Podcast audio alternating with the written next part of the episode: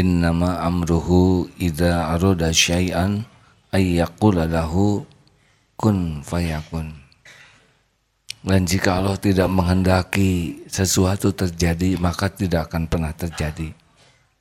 Walaupun semua makhluk menginginkannya. Hanya Allah penguasa mutlak kejadian.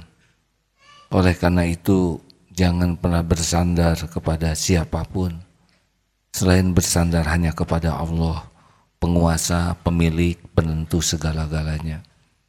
Hasbunallah wa ni'mal wakil, ni'mal maula wa ni'man nasir. Cukuplah Allah bagi kita sebaik-baik penolong dan pelindung kita. Assalamualaikum warahmatullahi wabarakatuh.